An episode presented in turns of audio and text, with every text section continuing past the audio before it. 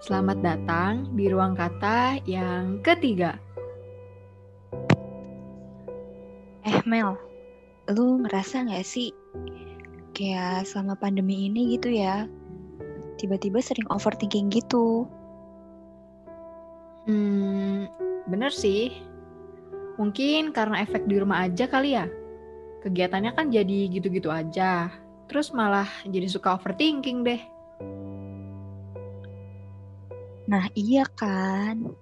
Terus gue mau cerita nih. Jadi tuh beberapa hari yang lalu gue kan gabut gitu ya. Kayak udah jenuh jadi kayak ya biasa kayak scrolling scrolling gitu. Nah terus gue tuh iseng ngeliat akun LinkedIn-nya temen gue. Terus kayak pas gue buka gitu, kan LinkedIn itu isinya kayak magang, organisasi gitu. Nah pas gue buka punya teman gue itu, gue kayak ngerasa minder apa sama pencapaian gue selama ini. Kayak gue tuh ngerasa nggak ada apa-apanya dibanding temen gue itu. Terus gue jadi mikir, ya selama ini tuh gue udah ngapain aja sih? Kayaknya gue kayak terlalu nyanyain waktu buat nge-ekspor diri gue deh. Emang pencapaian temen lu tuh apa aja deh? Kok bisa sampai bikin lu iri gitu? Ya, contohnya tuh kayak dia udah berhasil gitu magang di tempat yang menurut gue bergengsi gitu ya. Dan menurut gue kayak itu gila sih, keren banget gitu.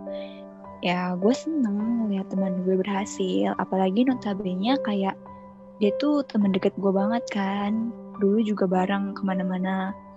Nah, tapi uh, ada sebagian dari diri gue yang merasa tertinggal gitu apa sama dia. Nah, kalau misalnya lu di posisi gua, lu bakal ngerasa gimana?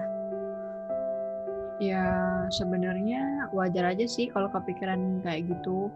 Gue juga pernah ngerasa iri sama temen gue yang sibuk kuliah nih. Tapi dia tuh masih bisa berprestasi sekaligus aktif berorganisasi. Tapi ya namanya juga manusia, pasti nggak pernah puas gitu kan sama semua yang udah dia capai. Jadi terus-terusan ngerasa kurang deh dan akhirnya ngerasa minder sendiri, terus overthinking sendiri.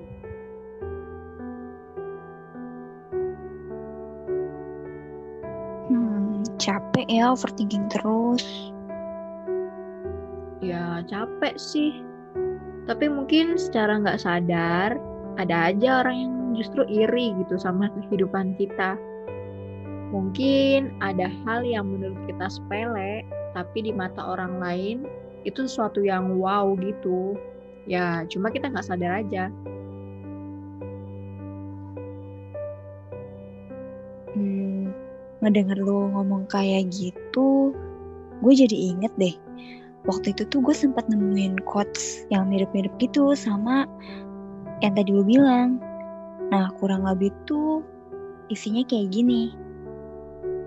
New York 3 jam lebih cepat daripada California. Tapi itu nggak ngebuat California berjalan lebih lambat. Ada orang yang lulus di umur 22 tahun, tapi dia harus nunggu 5 tahun dulu sebelum dapat pekerjaan. Ada juga orang yang jadi CEO umur 25 tahun, tapi dia meninggal di umur 50 tahun. Sedangkan ada orang lain yang jadi CEO pas umur 50 tahun. Terus dia hidup deh sampai 90 tahun. Setiap orang di dunia bekerja berdasarkan waktu mereka masing-masing. Orang-orang di sekitar kamu mungkin kelihatan ada di depan kamu. Dan mungkin beberapa juga ada yang kelihatan ada di belakang kamu. Tapi, tiap orang berjalan di lintasannya masing-masing di waktunya masing-masing. Jadi jangan iri sama mereka dan jangan juga mencemooh mereka. Mereka berada di zona waktu mereka masing-masing dan kamu ada di zona waktumu sendiri. Hidup ini tentang menunggu waktu yang tepat untuk beraksi. Jadi santai aja, kamu gak telat, kamu juga gak kecepatan, kamu sangat tepat waktu. Sampai di sini ruang kata kali ini. Sampai jumpa di ruang kata selanjutnya ya.